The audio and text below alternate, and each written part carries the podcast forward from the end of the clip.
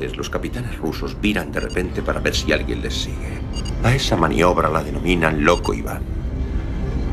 Lo único que puedes hacer es parar en seco tu nave y esperar los acontecimientos.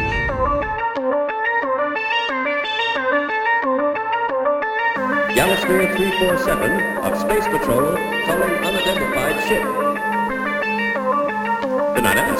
Good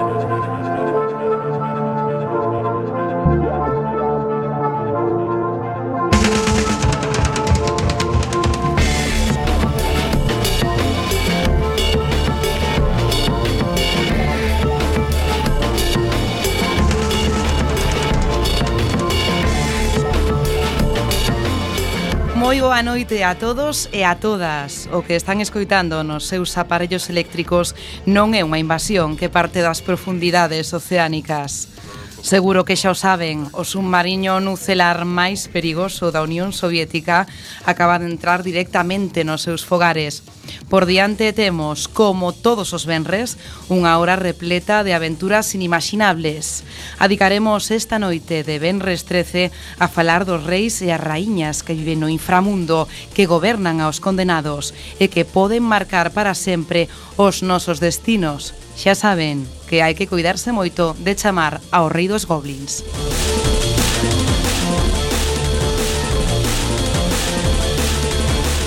Escoitaremos a nosa canción da semana, tamén adicada aos seres primixenios de outras dimensións, e teremos, como sempre, o noso relato que nos levará ao mundo de autómatas e ciencia ficción. Repasaremos a historia do cómic en Galicia da man de Xulio Carballo, o comisario da mostra A Revolta do cómic galego que poden visitar na normal até o 31 de xaneiro.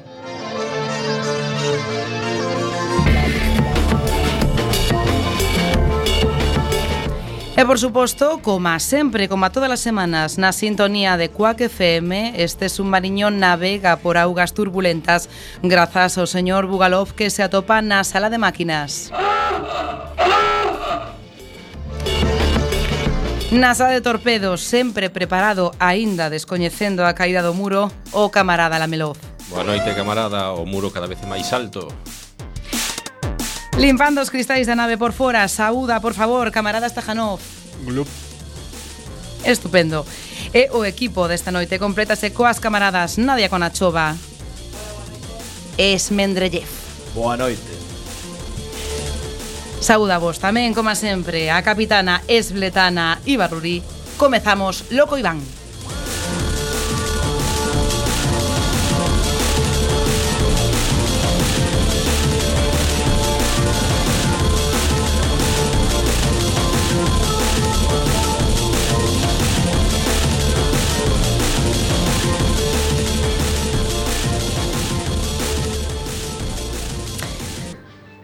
A última semana que conectamos con todos e todas vós, na véspera do desexado solsticio, ocurriu unha cousa inimaginable, nunca caecida nun glorioso submarino nuclear da Unión Soviética como é o amotinamento. Un grupo de inconscientes tivo a ben, non sei se recordarán, deixarme pechada no cuarto da plancha. Sabedores, ademais, de que eu sempre, sempre vista de coiro. A ex camarada Derezco, ademais do meu ex segundo de a bordo, Birnaren, foron os impulsores desta aldraxe. Non é así, camaradas? Sí, sí, sí, sí, sí, sí, sí, camarada, sí, sí, camarada sí, capitán. Sí, claramente. E vos, que fixechedes? Loitar con uñas e dentes contra ese motín. Bueno, eso é totalmente falso. Precisamente por iso, unha vez me desfixen cun croché de dereita, de dereita incluso, dos meus captores, porque non sei se o saben, pero fun campeona soviética de boxeo, ademais de gañadora en numerosos concursos de degustación de peitúa de foca, decidí mandar a Derevko eh, a Birnaren esta semana a Siberia. A próxima quizáis os deixe regresar ao submarino, aínda que para iso antes terán que sacar brillo e rebobinar minuciosamente con bolígrafo Bic, cristal escribe normal, todas as miñas cintas de cassette de Bon Jovi, que é a miña única debilidade capitalista. Así pois, eh, coa parte máis querida da miña tripulación, imos repasar as novas máis destacadas desta semana.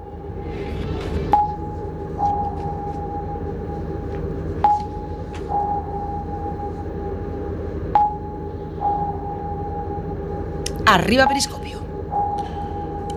Call of Chernobyl é a modificación do ano. Raro é o día en que non falamos neste submarino de Stalker, o gran videoxogo inspirado na obra dos irmáns Strugatsky.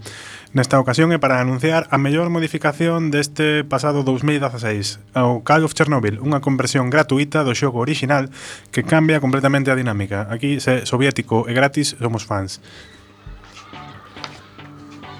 Elite Dangerous homenaxará a Carrie Fisher.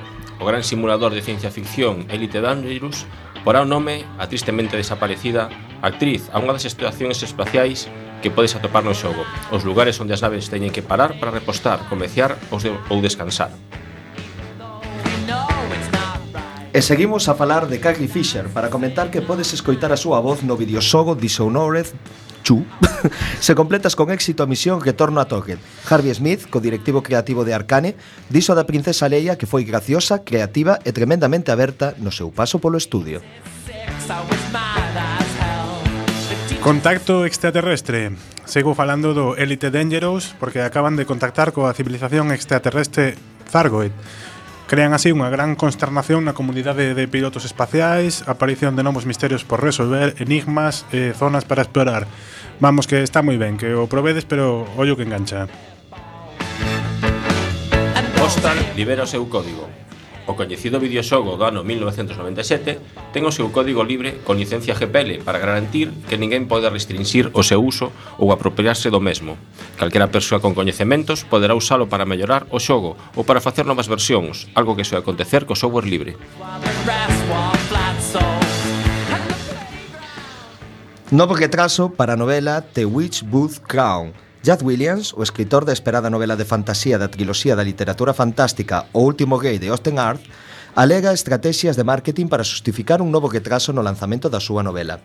Como sigan así, vai levar o premio a novela máis aprazada da década. Está tardando tanto como George Martin. Rihanna Pratchett deixa o Tomb Raider. A escritora e a guionista anuncia nun comunicado que abandona a franquicia que relanzara hai uns anos para dedicarse a outras actividades eh, ben interesantes, como a adaptación cinematográfica do libro do seu pai, o noso moi querido Terry Pratchett, eh, Os pequenos homes libres, eh, o guión dun videoxogo indie de exploración en 2D chamado Los Walls. Even though we know it's not Publicacións da Narok publicará unha antoloxía de mechas.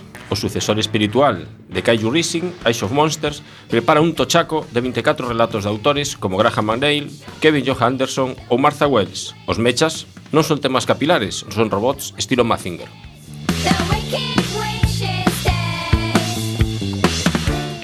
Netflix lanza un videoxogo. O coñecido portal de series lanzou un videoxogo para navegador cos personaxes de algunhas das series máis coñecidas. Chámase Netflix Infinite Gunner e ten unha estética retro da época dos 16 bytes.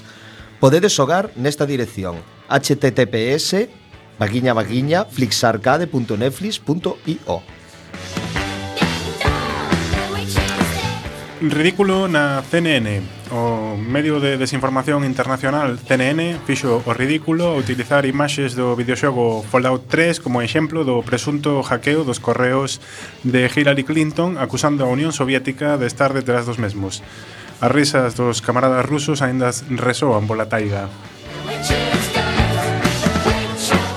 Constantine terá serie de debuxos animados. En 2014, a NBC lanzou unha serie de televisión de John Constantine, o feiticeiro de Gabardiña creado por Alan Moore, que acabou resultando un fracaso. Agora, CW Seed, a produtora de contenido digital da emisora de CW, aposta por levar a persoaxe ao terreo dos debuxos animados e plantexa a estrea a finais de unha a finais de, do ano dunha nova serie baseada nas súas andainas.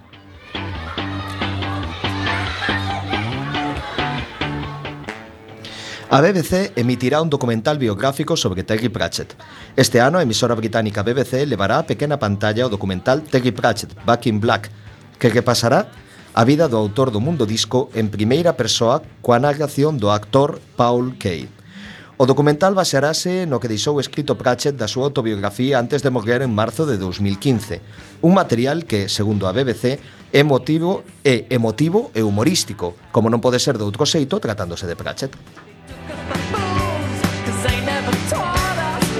A Igrexa do sempre glorioso monstro voador de espaguetis reclama na Audiencia Nacional para ser recoñecida como religión oficial do Estado español. A moi saborosa Igrexa Pastafari, a gran religión paródica e a única religión permitida neste submarino nun celar, eh, recurriu á Audiencia Nacional amando un abogado para poder ser inscrita no Registro de Religións do Goberno. O seu argumento eh, é eh, que se a súa fe non ten sentido, ningunha das outras o ten, co cal non podería haber ningunha religión oficial. She wore high-heeled shoes while the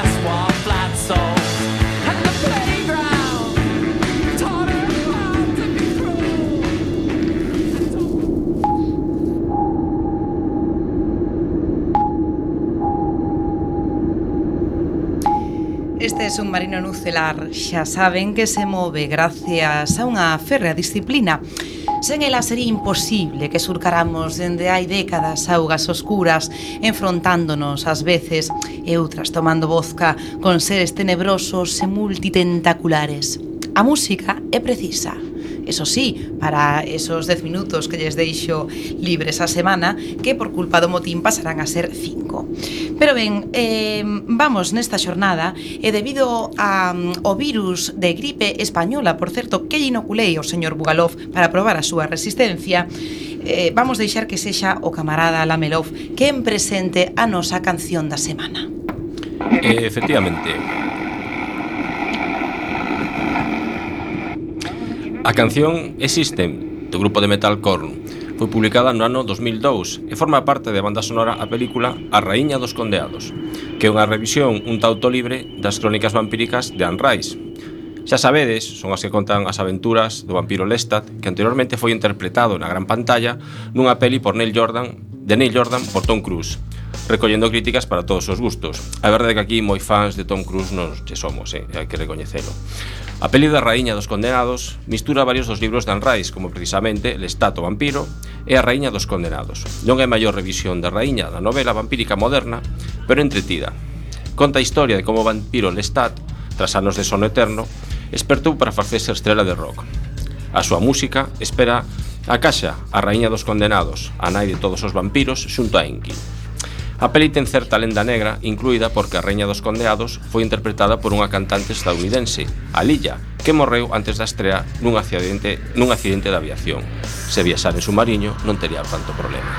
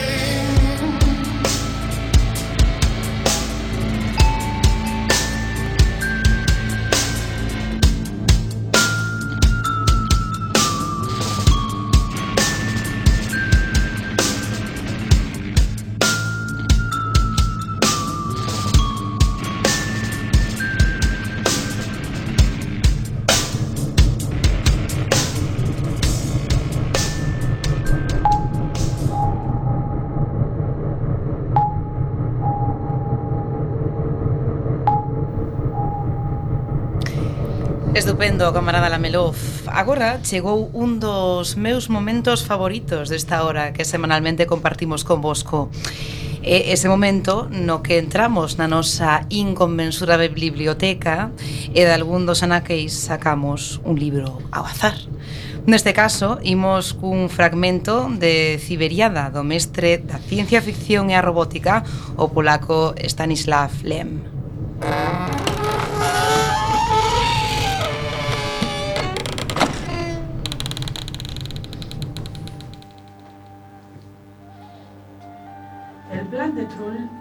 Construir un mujerotrón, dispositivo amatorio universal, o sea, un erotor total con retroacción.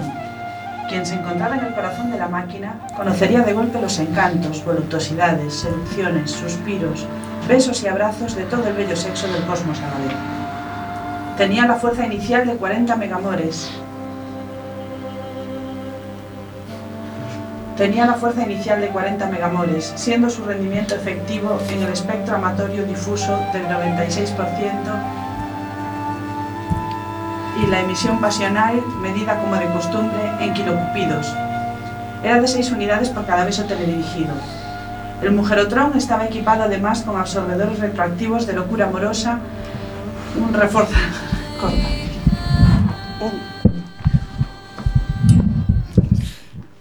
Non vos preocupedes, se estades escuidando algún tipo de problema no submarino... Deixademe sair do cuarto da plancha. Que son cousas das miñas represalias, pero imos co relato. Capitana, discúlpeme. Disculpa e imos co relato que non se volva a repetir. Continuamos.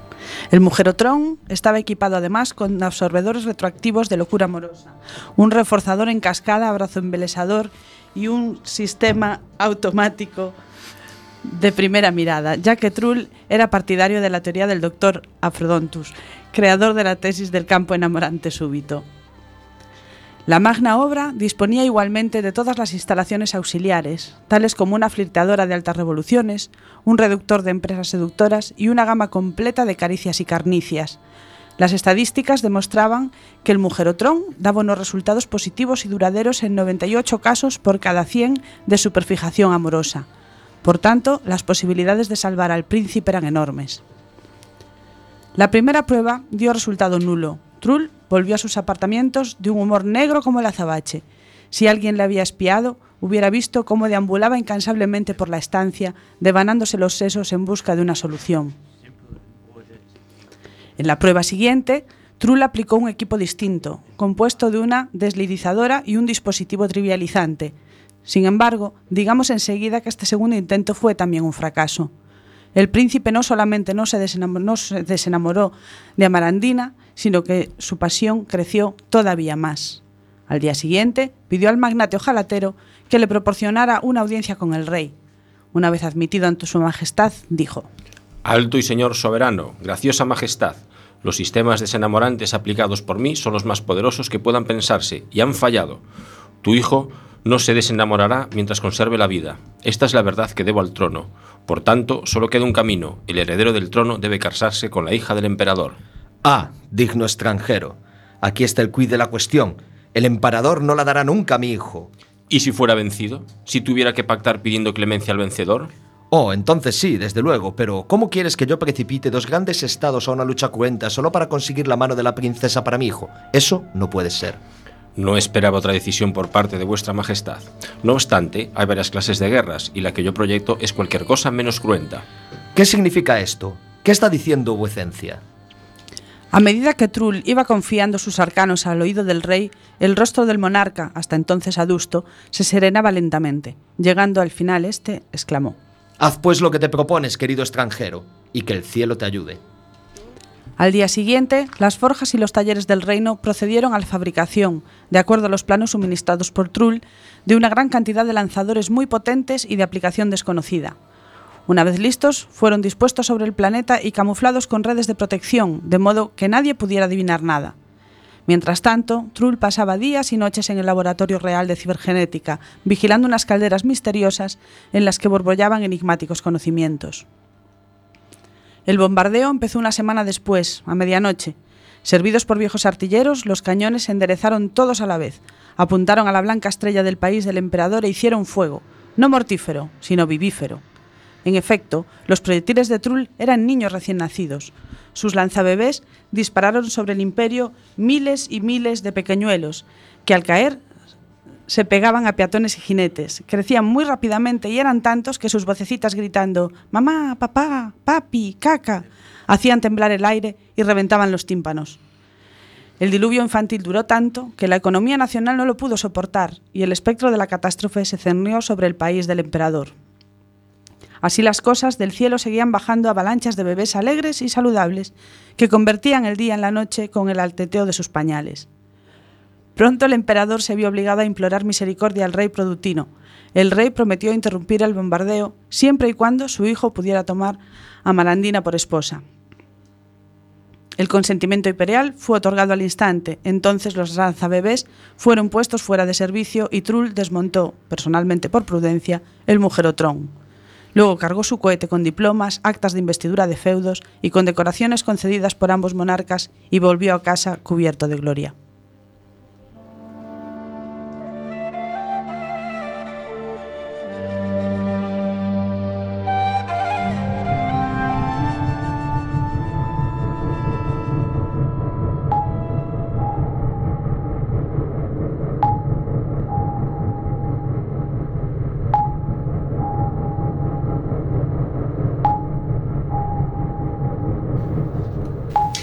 pois despois deste accidentado nun principio relato, pero que logo foi estupendamente como todos os venres, vamos agora a abrir un día máis a nosa escotilla para invitar a pasar ao noso submarino a Xulio Carballo, que é o comisario da mostra que se pode ver, repetimos, ata o día 31 de xaneiro na Coruña, na normal, sobre eh, BDG 70, a revolta do cómic galego. Moi boas noites, Xulio. Moi boas noites. Bueno, que tal estar por primeira vez nun submarino? Non sei se é a primeira, pero seguramente non sexa nun submarino soviético.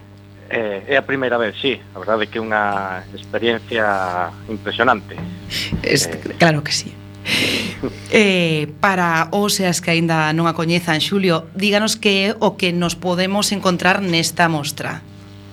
Bueno, pois nesta mostra podes atopar eh, toda unha escolma da, da, da, da produción que se fixo na, na banda deseñada eh, pues, como, como vendi o título non? nos anos 70 onde pois se pode atopar pois todo tipo de, de xéneros dende ciencia ficción ata mm. bueno, ata tiras protagonizadas por nenos tan renomeados como Gaspariño non? e ademais bueno, pois toda unha, unha cantidade de, eh, de medios artísticos eh, dende o collage non? Ata serigrafía, non? Os medios máis convencionais, ou sea, toda unha, unha variedade, unha gama de, de elementos alrededor do, do cómic, que ainda se chamaba así aquí naquela, e, e vamos, que merece a pena poder ver. Cando cambiou o nome de cómica a banda deseñada? Ben, eso máis ou menos apareceu sobre os anos 90 cando o Frente Comisario, o grupo de, de cómic eh, de Ourense, pois decidiron darlle a esa palabra cómic que non lles chegaba de, de agradar demasiado, eh, sobre todo naqueles anos onde eh, teñen un, un, un nomeamento demasiado yankee para hmm. sí. no, demasiado capitalista, digamos, para a súa para a súa concepción, eh, querían darlle un nome máis un pouco máis genuinamente galego e para iso colleron o, eh, este, este grupo Frente Comisario pois o termo eh, que tamén utilizaban en, en Portugal no? de banda deseñada que provén do francés, do, da banda deseñada. Xulio, eh, cando estes días preparábamos un pouco a, a entrevista, eu creo que era un, un tema que, que a min, bueno, faime moita gracia entre comillas, non toda a historia mm. de como eh, chegas, pois como filólogo galego que es, a, a, des, a desenvolver ou a crear esta, esta, esta mostra que, que se crea ao final a raíz da, da túa tese, non? De, de doutoramento. O sea, como se te ocorreu? Ben, o, o da tese, bueno, era por, por, por, por a miña paixón xa polos cómics de, de hai moito tempo, non? E a raíz de entrar en contacto tamén con de organizar cando estaba de profesor en, en a Universidade de Salamanca, de, comecei a organizar algunhas charlas alrededor dese tema, e sí que comecei a ver eh, todo un, un universo, un mundo que, que descoñecía, non? Que eh, tiña coñecementos, pero empecé a ver eh, que había un mundo de posibilidades eh, moi moi grande. Entón, pois, eh, comecei, dixen, bueno, vonme lanzar un pouco a este terreo que que non está explorado, non había ninguna tese sobre banda deseñada galega. Entón, considerei que era o máis necesario, o máis necesario, pero aínda así con medo de de como pois pues, sei, como un tribunal de, de filoloxía hmm. eh, aceptaría algo sobre isto, non? Tiña un pouco Bueno, pero aceptaron. non? Sí, no, no, é, é, é, é moi ben, ademais, entón eh, pois pues foi algo foi algo estupendo, non?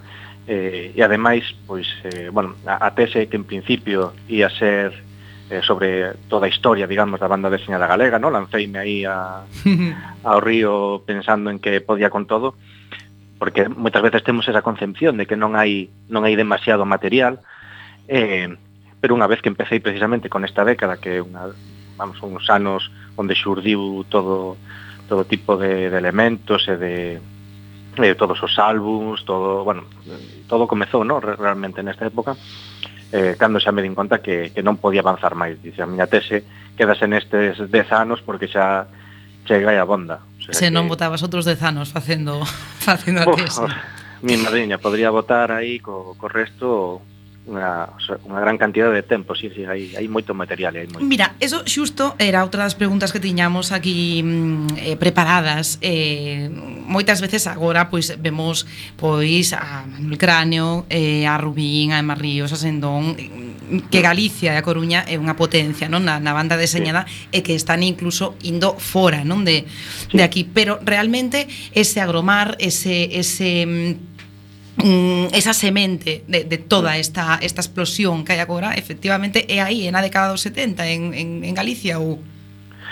Sí, vamos ver, eh, é eh, onde, onde comeza todo, non? Eh, que decir, eh, a, a primeira recoñecida como, digamos, primeira historieta, non? Que foi de, de Xaquín Marín aí no 71, ou a, a primeira B de mural de do que foi o Begliota, de Raimundo Patiño foi no 72, no 75 o primeiro álbum de BD no 73 a primeira revista eh, de banda deseñada no? que foi do grupo Nicomido Castro que son todas as cosas que se poden na, na, na mostra, na, na exposición ou no 79 eh, por exemplo o primeiro fanzín que aí marca un punto de inflexión que é o primeiro fanzín eh, galego de cómic que de banda deseñada vamos que eh, foi feito por Miguel Anxo Prado, Fran Jaraba e Xan López Domínguez que, por exemplo, no, que son xente que seguiron publicando e, e no caso de Miguel Anxo Prado que xa sería para continuar e vivir eh, xa do, do, eh, da banda deseñada para até o momento de agora, no? que xa foi do, o primeiro, digamos, en profesionalizarse e que eh, iso, iso marca moito a xente que te rodea, non?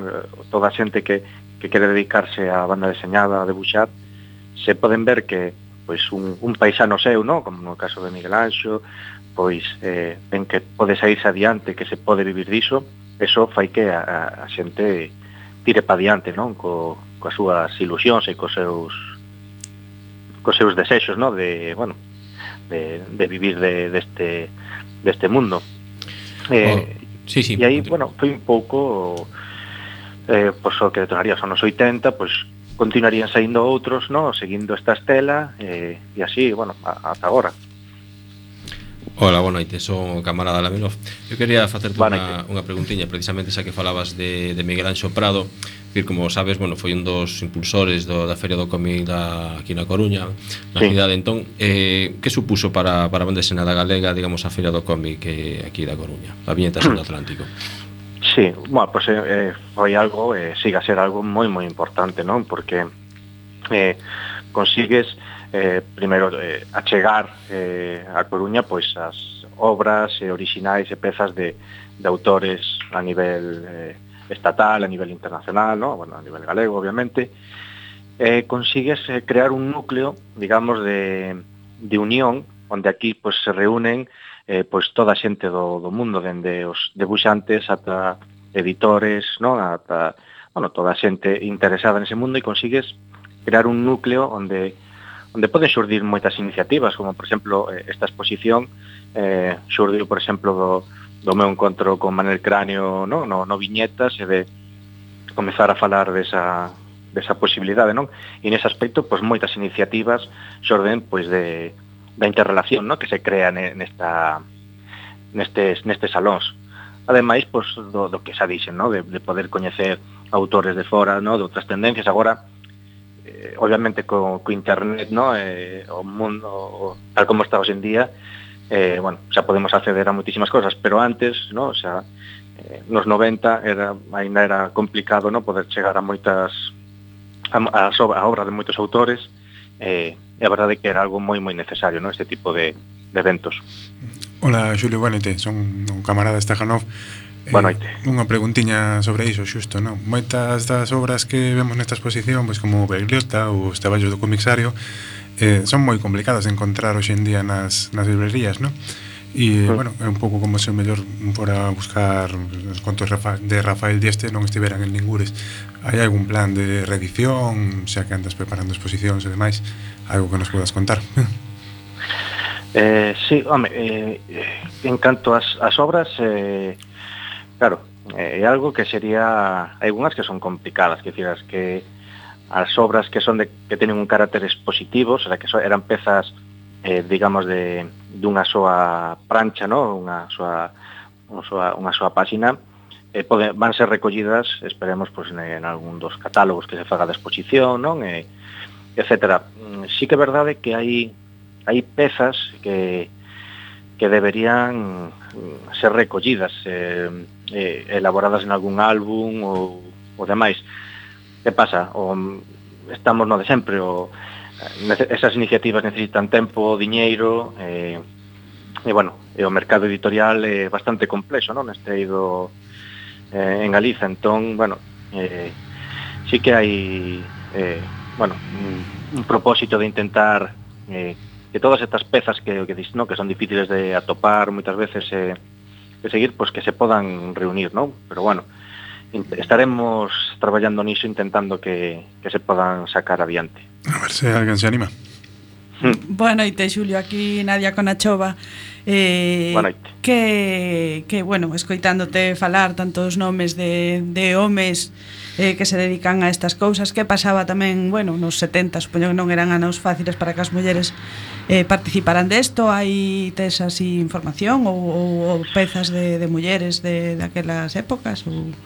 Sí, con respecto ás mulleres sí que unha época xa eh, era unha época complicada, ainda sí que maiormente son todo pezas de, de homes, so, so temos eh, precisamente eh, na revista no fanzín Xofre, eh, o guión, eh, bueno, da, o, a, a primeira das obras que temos de Miguel Anxo Prado, eh, está, o guión está feito por, pola que sería, bueno, a súa compañera, ¿no? a súa muller Uxía, entón, eh, en principio, vamos, sería, digamos, así das, das poucas aportacións. Sí que é verdade que no fanzín Xofre temos un par de páxinas de, de ilustración de, de, de, alguna, de alguna muller, de alguna rapaza, eh, non, non en formato de banda deseñada, pero bueno, si sí a nivel de ilustración, pero sí que nesta época atopamos, vamos, eh, eh, nada, eh, a presencia feminina era moi escasa. Así que nos 80, xa na época fancinera totalmente, aí sí que xa comeza a haber un, un, un incremento de, de mulleres que participan con, coas súas historias no, nos fanzins, pero xusto neste comezo, eh, desgraciadamente non, non, non temos aí eh, mas de momento terei que seguir investigando a ver se atopo algunha cousa, pero de momento non se atopou aí nada o sea, máis. Que xa é nos 80, algunha que destacar así que se empezase a, a visibilizar nos 80, que podas por, por nomear algunha hoxe que quede mm, Agora mesmo de nomes non, non te sei dicir, porque sí que teño a, a relación de, de, de o sea, teño ciencia da, da xente que participaba nos fanzins, pero aínda aínda quedaban por, por sacar, digamos, nomes aínda, aínda tardaron. Sobre todo porque os fanzins eh, eh, non, non, non por las mulleres, sino polos, polos homens en xeral eran produtos tamén moi eh, eh efímeros, non moi moi esporádicos saían e desaparecían, non era un produto e a xente que o facía pois mm, moitas veces tampouco non tiña un afán profesionalizador, non era pois eh, simplemente querer eh, mostrar a súa sensibilidade cara á música do momento, cara o que estaba a suceder, non? Claro. Entón tampouco non, non houve unha continuidade moitas veces de, de moita desa xente, non? Xulio, tamén falabas un pouco eh, bueno, todos os en toda a páxina web que tedes o Facebook da, da vosa mostra bueno, a, a década dos 70 marcada pol, polo franquismo e pola, e pola transición e, e un pouco como afrontou a, o cómico, a banda deseñada xa, xa galega nese momento eh, que transfondo, falabades un pouco de, de un transfondo tamén eh, social, non? En, en todo que en todas as historias que, que comunicaba hmm. Sí, a verdade que todo, eh, todas as todas as pezas, o sea, nesta década eh, primeiro temos unha a, a presencia da, da lingua galega é, é constante, o sea, en casi todas as todo casi todo o material que temos eh, eh, está xa escrito en lingua galega, hai que pensar que que a, a metade desta década aínda estaba ba, eh, baixo baixo ditadura, uh -huh. vale? E incluso os primeiros anos de da denominada transición, pois aínda ainda había represalias eh, por, por utilizar no, a, a lingua galega co cal Eh, xa o uso de, de, da lingua xa era un, un elemento eh, de revolta, non? un elemento de un elemento subversivo. E logo en casi todas as pezas atopamos pois tamén eh, alimentos eh, contra eh, antiautoritarios, non? Eh, contra a igrexa, eh, pois como é o home que falaba Begliota, que é unha un, que o Begliota ven ser unha unha, bueno, unha especie de metáfora sobre o galego, non? Eh, era todo eh, pois pezas eh, completamente subversivas. Moitas delas había que rebuscar un pouco para atopar o elemento subversivo. Claro, non podían eh, manifestalo moi... Eh, eh, que non fose demasiado visible, porque eh, podía levar, vamos... Eh, eh, unha malleira. Bueno, sí, podía levar unha malleira. Sí, mira, nese aspecto temos unha das pezas, e unha das que máis eh, nos gusta a Manuel Cráneo a min, eh, dentro da, da, exposi da exposición que, que se fixera, que foi itinerante no 73, pois xa contra o final, no 75, eh, na vila de Marín, precisamente unha das eh, bueno, unha das pezas de Marín, de Xaquín Marín, eh, xunto con outras foran atacadas. O sea, esta exposición foi atacada por grupos de ultradereita eh, e foron eh, queimadas eh, ou intentos de arrincadas e temos unha das pezas que aparece eh, medianamente arrincada que era unha versión de, da, do conto Dragón de Ray Bradbury e mm. aparece parcialmente esnaquizada e mantemos eh, pois esa, esa parte da obra que ainda se mantén eh, é como reflexo de, de varias cosas, de primeiro das, de, do que existía aínda neses momentos, no? de que había aínda un franquismo moi latente, eh, unha, altura, unha ultradereita violenta, agresiva, e por outra banda, que eh, dá a entender que esta mostra, a mostra que houve no 73, eh, que foi itinerante, sí que debeu eh, causar eh, moito revuelo, non? Eh, e ferir moitas sensibilidades fachas, vamos, por, por dicirlo así. Eh, boa, Xulio, son o camarada Esmendrellev eh, Estás falando, e moi ben por certo, de, de historia. Eu quero che preguntar polo futuro. Pensas que o cómic vai ir a máis E que tamén pode ser unha, unha ferramenta máis de, de cambio político e de loita Como, como vimos contando ao longo da historia? Sí, sí, sí, eu creo que sí. O cómic eh, está indo a máis e eu creo que vai seguir unha, unha progresión eh, eu creo que creo que espectacular, eh? Na, Ainda quedan eh, fai falla dar un par de pulos máis en algúns ámbitos, eh, pois, pois como este no ámbito académico, no, ou inserilo máis, xa por exemplo, dende os propios colexos, institutos, no, animar a, máis eh, certas lecturas, eh, e polo resto, eh, en nada, eu creo que o cómic vai, vai non vai chegar a, aos niveis eh, da literatura, supoño, porque xa é un elemento xa canónico, pero eh, sí que vai coller un, un nivel moi moi importante. E a nivel de vamos de, de reivindicación e de e como elemento subversivo eh, eh, eh, habría que habría que ver porque hai ese medo de, de que cando un, un medio non como este pode acomodarse e establecerse non tamén pode tender a eh, a perder o elemento eh, o elemento subversivo, non? Quer decir, por exemplo, nestes anos, nos anos 70 eh, a xente non pensaba en vivir de, do cómic e nos 80 tampouco, e era moi subversivo porque non tiña nada que perder, nin nada que gañar, non? Digamos, eh, pero unha vez que te planteas ás veces vivir, por exemplo, disto, a xente, non? Imagino que moitas veces os autores en algún momento pensarán, bueno, eh, eh, se fago unha reivindicación demasiado tal, tampouco non vou poder eh, non, chegar a este número de vendas, non? Non sei, un pouco... Non sei se me expliquei ben neste, neste ámbito. Explicaches de perfectamente, Xulio, pois son xa as 10.41 minutos da noite, temos que abrir a escotilla e deixarte marchar, pero non sen antes agradecerte moito que baixaras aquí este submarino nucelar este, este venres e sobre todo recordar a todos os nosos e as nosas ouvintes que eh, poden ver esta mostra sobre a revolta do cómic galego ata o 31 de xaneiro na Coruña na normal. Moitas gracias, Xulio. Moitas grazas a vos. Unha aperta moi grande. Gracias. Nada.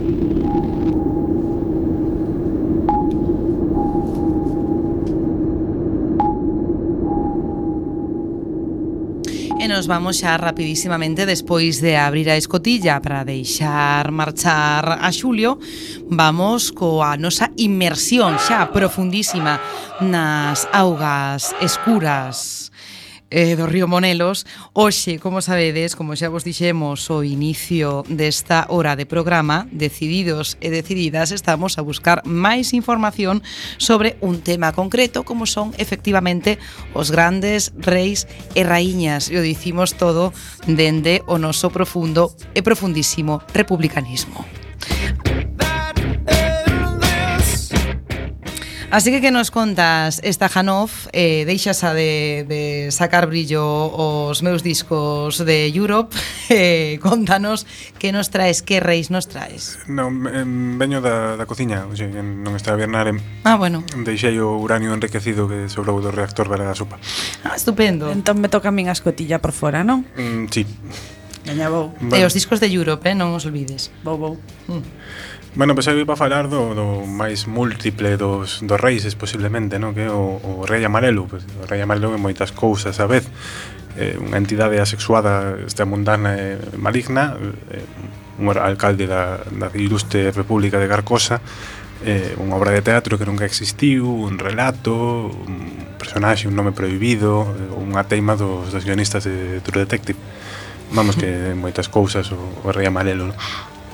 Eh, pois por comenzar por polo principio, ou polo menos por un dos principios, O Rei Amarelo é o nome dun libro de relatos de Robert W. Chambers publicado no ano 1895 eh, foi unha das primeiras eh, exemplos do, do terror cósmico que logo faría famoso H.P. Lovecraft no?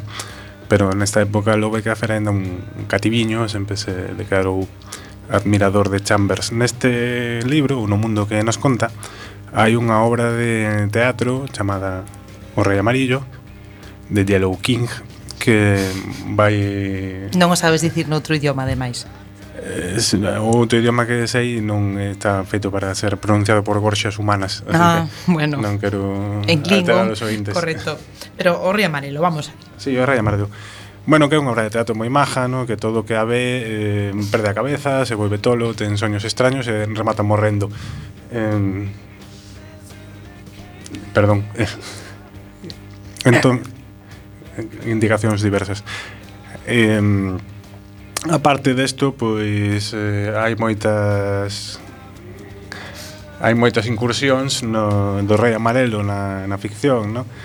Por exemplo, pois eh, no, no mundo dos xogos de mesa, eh, vémolo en case todos os que están baseados nos, nos mitos de Cthulhu, eh, vémolo no Arcan Horror, no símbolo arcano, e eh, tamén hai varias bandas de rock que compuxeron cancións inspiradas ou baseadas nel, como esta que está sonando de fondo, que é dos escoceses eh, Black Sun.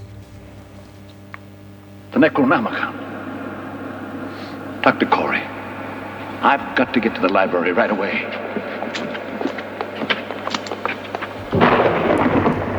The army of darkness shall sweep down.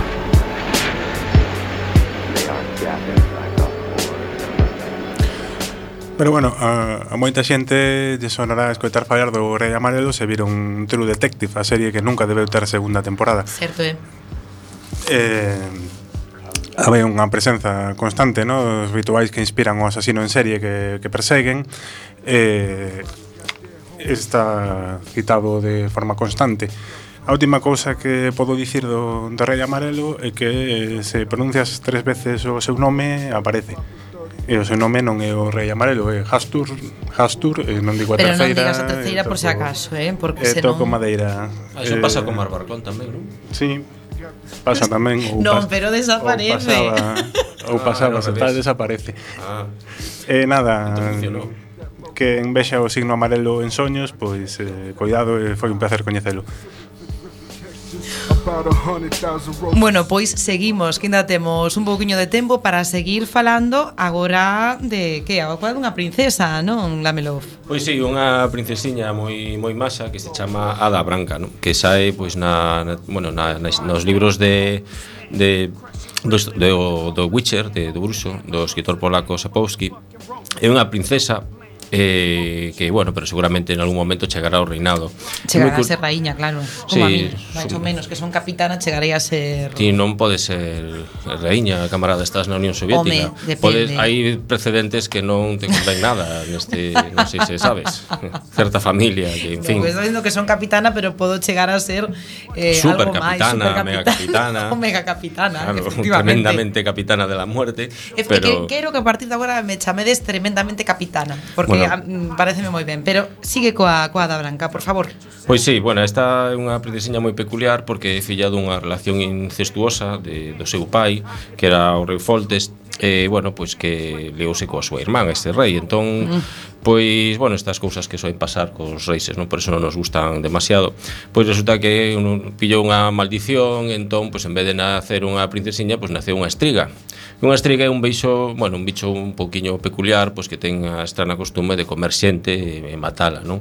Unha costumbre tan boa como outra calquera, vamos, non, non sei tampouco o maior problema.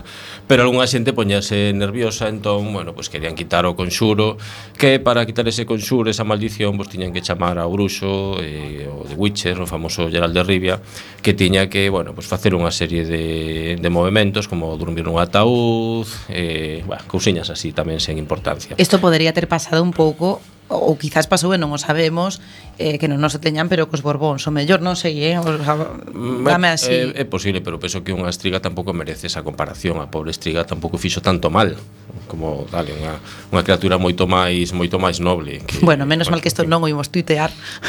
Así que non pasa nada. Non, porque nos submarinos somos inalcanzables. Efectivamente. Claro. Eh, algo máis, contádenos máis cousas, máis máis reis, máis raíñas. Pois sí, eh, bueno, xa que estamos nun submarino soviético, quería falar da Raíña Rosa e a Raíña de Corazóns, que son, bueno, famosas de, bueno, da serie de, bueno, do libro de de Alicia no País das Maravillas. Pero non falo delas do libro senón do xogo de Alice de América McGee América McGee foi un famoso diseñador de videoxogos famoso por, por facer o Quake 1 diseños de, do Quake 1 que foi un xogo mítico pois dos anos dos anos 90 non? pois el fixo un videoxogo bastante bo así de plataformas con unha estética surrealista estilo Tim Burton mesturada con un poquinho de ácido e, e plutonio radioactivo sideral. Eh, bueno, os digamos que o diseño gráfico foi bastante bastante bo. Bueno, pois pues, é o que fixo eh, nesta historia mesturar tanto a Reña Roxa como a Reña de Corazóns como a Reña Branca, que eran moitísimo máis cruéis do que xa eran na, bueno, pois pues na, na historia orixinal, non? aínda que, bueno, non sei porque tampouco tiñan, eh, digamos, esta mala fama, porque o único que se no. eran eran ditatoriais, ditaban sentencias de morte, deportacións, bueno, pues, o, o habitual, o normal. Como o menos a Birnaren o temos hoxe en Siberia, pero era máis que obrigado, o sea, de feito, eh, xa veremos se pode regresar porque o mellor tamén está máis tranquilo o mellor tamén contrata mellor en Siberia que neste submarino pero vamos seguir eh, Smendrellev rapidamente contanos tamén eh, un pouco eh, desas tres raíñas non? A verdade que hai, eu penso, poucas obras que den para tanto como Alicia no País das, das Maravillas, non? Contase moitas cosas de, de Alicia, aí sabemos que hai tres gaiñas, a falta dunha, gaiña branca, gaiña vermella e a propia Alicia, que se converte en gaiña o final do historia, non? Eh, case todo o mundo sabe moitas anécdotas, por exemplo, eh, moita xente eh, dirá ou comentará que é posible que Cargol tivera certos gustos pouco adecuados uh -huh. para as capatas pequenas, non se sabe se é certo ou non. O que moita xente non sabe, sen embargo, é, primeiro, que este cabaleiro era matemático e que realmente moitos dos, dos feitos de Alicia representan, eh, poderían eh, exemplificar problemas matemáticos, non? Pero tamén, e aquí entramos na, no, friki, no friquismo científico, que a Gaíña Vermella dá, eh, dá nome a unha das hipóteses máis importantes da, da evolución a hipótese da gaiña vermeña. E ben deste fragmento, non? Hai un momento donde a gaiña vermella da llaman Alicia, botan a coger as dúas, e conta así. Alicia mirou ao redor seu con gran sorpresa. Pero como? Si parece que estivemos baixo esta árbore todo o tempo. Todo está igual que antes. Pois claro que sí, conveu a gaíña. E como se non? Bo, é que no meu país, aclarou Alicia, cando se corre tan rápido como estivemos facendo durante algún tempo, adoitase chegar a algunha outra parte un país bastante lento que pilcou a gaiña. O que é aquí, como ves, fai falta coger tanto cando, todo canto poidas para permanecer no mesmo sitio e coger o dobre se queres xogar a outro. Ben, o que desta hipótese de evolución biolóxica é que as especies teñen que evolucionar consuntamente para quedar no mesmo sitio. Por exemplo, fai moitos milleiros de anos, danos as gacelas non cogían moito e os guepardos tampouco. A gacela cada vez coge máis para escapar do guepardo, o guepardo coge cada vez máis para escapar da gacela, As cousas bueno, seguen exactamente non, para, igual. Para cazala. Para cazar a gacela, efectivamente, tes toda a razón, pero as cousas seguen igual, non? É como a socialdemocracia, parece que se avanza, pero non hai cambios de fondo. Sigue eh, aí. aí eh, quería chegar, eh, aí estaba, aí estaba efectivamente esa teoría da, da raíña vermella viña pola socialdemocracia totalmente claro, home. Clarísimo. Porque o xito non nos leva a mar barcón. Non o sei, non o sei, pero bueno, eh, pero estamos nun submarino, eh, no non nun barcón. Estou entón, aí, vamos, feito unha, unha chiquita. Eh, temos algo máis, algunha raíña máis, por favor, que, ah, bueno, algunha raíña ou algún rei incluso. Bueno, con, volvo coller eu o, o micro Mentres enriquezo uranio co, o tamán eh, Gustaríame falar un pouco da como non, non sería case un, un programa de Loco Iván se non mencionáramos 70 veces a Terry Pratchett. Claro. Entón, eh, unha das genialidades que fixo é eh, inventar as queldas. As queldas que son as gobernantes dos pequenos homes libres. Eh, os pequenos homes libres son os pitufos en versión do mundo disco, é dicir, mezcla de pitufos, mezcla de clan de guerreiros escoceses, eh, mezcla de hooligans ingleses eh, borrachos na Maravilla é un clan eminentemente masculino no cal a pitufina ou a quelda é a que manda como ten que ser. Cada clan son como unha especie de colmena de abellas eh, con faldas escocesas eh, moi mala leche. Um, cada clan ten unha quelda mm, que vai tendo fillos ao longo da súa vida ata que finalmente ten unha, unha filla que está destinada a mandar. O problema é que mm, todo o resto do clan son os seus irmáns, entón non se pode casar. Porque, claro. Serían os fillos... Mm, mm unha estriga, sería unha estriga. Claro, efectivamente. Estriga, porque son pequenos homes libres e non borbóns.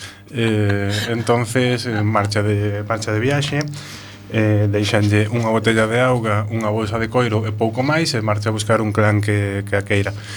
Eh, cando así se... marcho, eh, os sábados ás veces baixo así. Eh buscar Baixo unha botella, a ver se alguén me quere.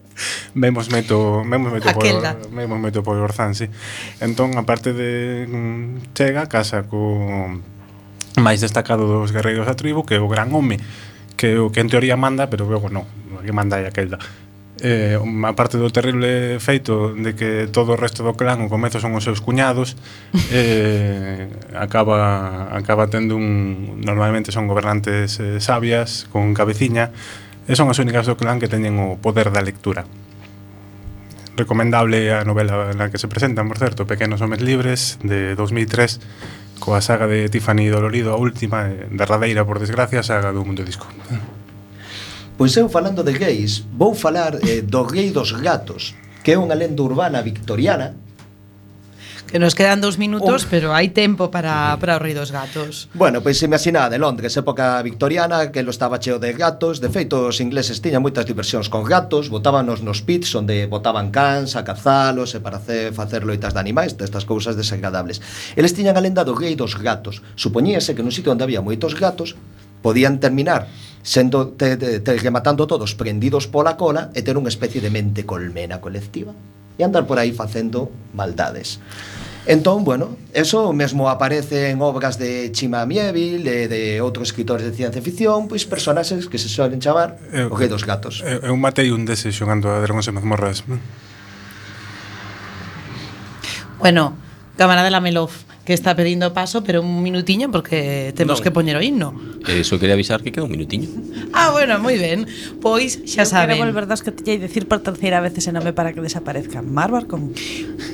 Por favor, deixen a xente tranquila, home. Vamos, o socialismo que quede tranquilo. Vamos xa a dar por terminado esta xornada, este viaxe do Loco Iván, e xa saben que nos vemos a semana que ven o venres á mesma hora.